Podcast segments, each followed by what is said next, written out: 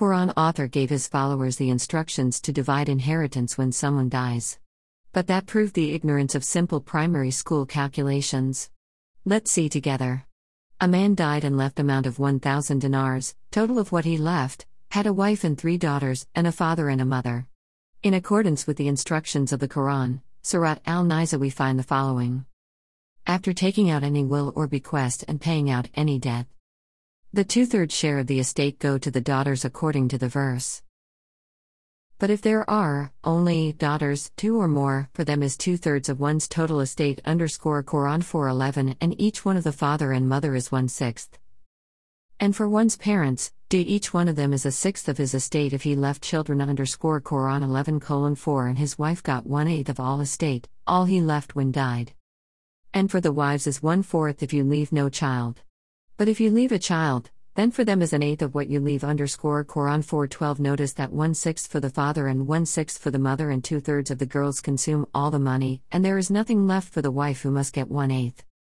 Immediately after the death of Muhammad, successors made repair to the mistake by ignoring the shares mentioned by Quran and making amendments to make sense of the process. Now a process named Alawal invented by the Abbasids is used. Still there are big differences between Sunnah and Shia. Every group invented its own corrections. The silliness of Quran author who ignores the easiest basics of math, when you divide something into fractures, the sum of all fractures should be equal to 1. Nowadays, they make the sum of the fractions and then multiply each share into its inverse to bring the fractures sum to 1. The sum of fractions in this case is 1 sixth plus 1 sixth plus 2 thirds plus 1 eighth equals 9 eighths and by multiplying into 8 ninths, we get 1. By multiplying each person's share in this multiplication, the ratios are changed and the total is 1. You can see the result of this process in the 1000 dinars division on this site. All Quranic fractions have been reduced slightly for the purpose of correcting Muhammad mistake, so the wife's share becomes 1 ninth ninth, not 8, and the share of girls is less than two thirds, and the share of both the mother and father is less than one sixth. According to the Quran, the wife's share is eighth of all estate. That is 125 dinars. The share of the three girls is two thirds, which is about 666 dinars, or 222 dinars each. And the father's share is one sixth and equals 167 dinars. The mother's share is also one sixth and equals 167 dinars.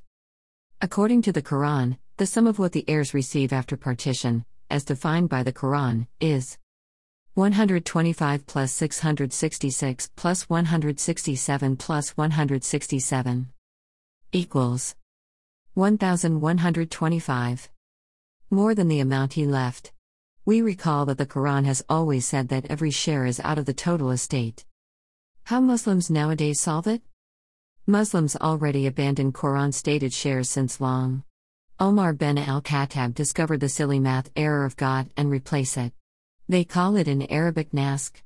It means cancellation and replacement. Nowadays they use the method of al awal mentioned above. According to this method, the Quran stated shares are ignored and new shares or percentages are given. The above case is solved as follows. The wife gets 111.11 reals, which is equal to one ninth of what was left and not one eighth as Quran wanted.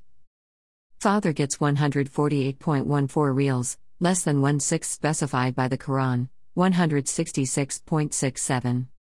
Mother 148.14 reals, less than one sixth specified by the Quran, 166.67.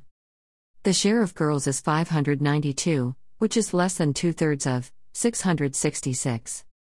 Of course, the fractions specified by Quran were replaced completely, so neither the wife got one eighth nor the girls got two thirds of what he left, nor any of the parents got one sixth. This was an admission of the clergy establishment of the need to ignore some parts of Quran because they don't make sense. But they never tell the public. They present their corrections as the true instructions of Quran.